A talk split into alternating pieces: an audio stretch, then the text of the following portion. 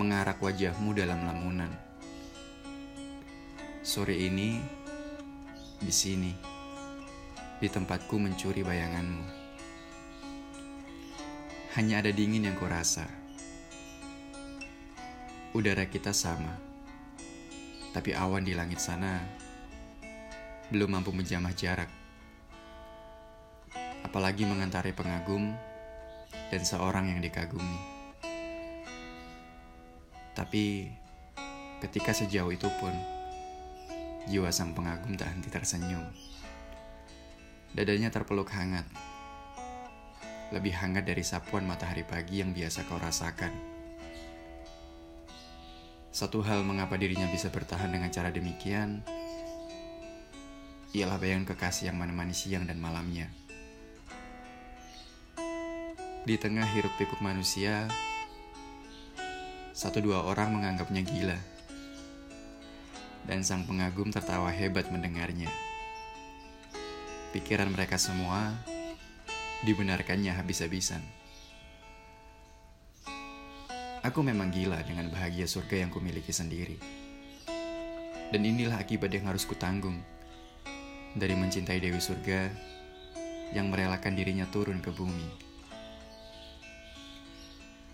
Kemudian, Tuhan menuangkan keadilan hidup, mengingatkan akan kewarasan pada diri manusia itu. Pengagum gila dengan jiwa yang seakan berjalan buta menuju kekasihnya.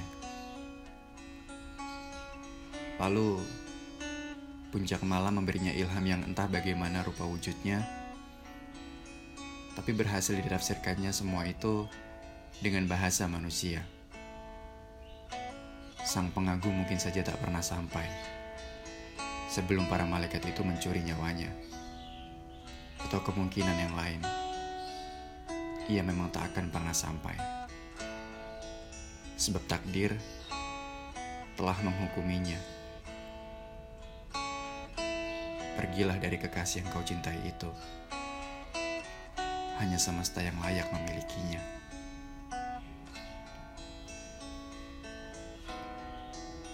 Di kemudian hari, setelah semua ilham itu diresapi oleh diri sang pengagum itu,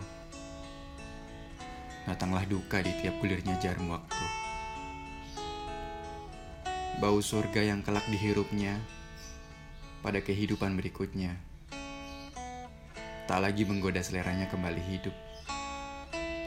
Hakim penakdiran yang mengutuknya jauh dari kekasihnya itu, ibarat musuh besar yang tak mungkin dikalahkannya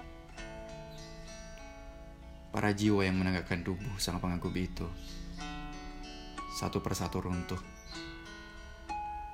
Menuruni tangga harapan sedikit demi sedikit. Tapi terlalu dalam air yang harus diterimanya. Sang pengagum hanya bisa diam dalam tutur kata. Tapi tidak pada akal jiwa yang memberontak segalanya. Mengapa aku hidup dan mengenalnya, lalu jatuh cinta? Bila kemudian dengan berjalan sedikit lagi untuk memilikinya, aku tak berhak apa-apa atas langkah lagi itu. Selangkah dari begitu banyak langkahan yang selama ini sudah aku upayakan, berakhir sia-sia. Kecuali akan perasaan yang kumiliki sendiri ini kecuali akan penyiksaan yang menghujaniku seorang diri.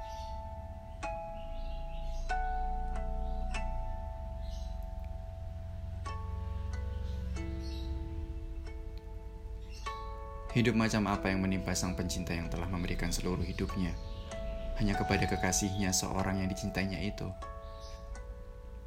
Beginikah perlakuan hidup terhadap manusia yang direndahkan karena cinta?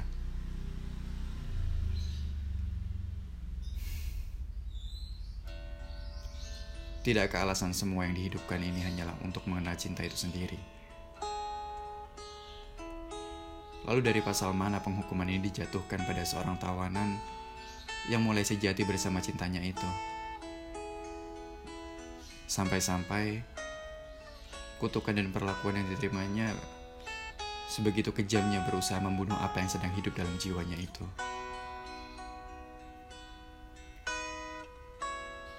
Lilin-lilin yang baru saja dinyalakan di rumah-rumah gelap. Itulah yang memberi harapan pada manusia yang bertemu dengan malamnya. Bila harus dilenyapkan, terpuaskan sudah kebutaan mereka kelak akan dunia. Ditambah lagi, bintang-bintang dan rembulan dari atas sana pun masih juga direbutnya. Tega sekali kehidupan ini berlangsung. Dan memang begitulah apa yang dirasai dan ditangisi oleh jiwa bergenap perasaan pada kekasih yang disintainya itu. Akhir dari akhir yang harus diterima hanyalah ia berdiam pada perjalanan yang bukan miliknya. Dia telah mati sebelum kehidupan memilihnya untuk mati.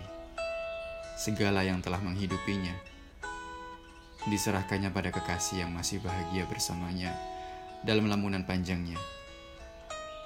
Dan itu masih akan selamanya sampai habisnya waktu dari keberlangsungan apa pun yang masih mengikat diri dengan waktu. Diam, kosong. Begitu mungkin caranya. Semua berakhir.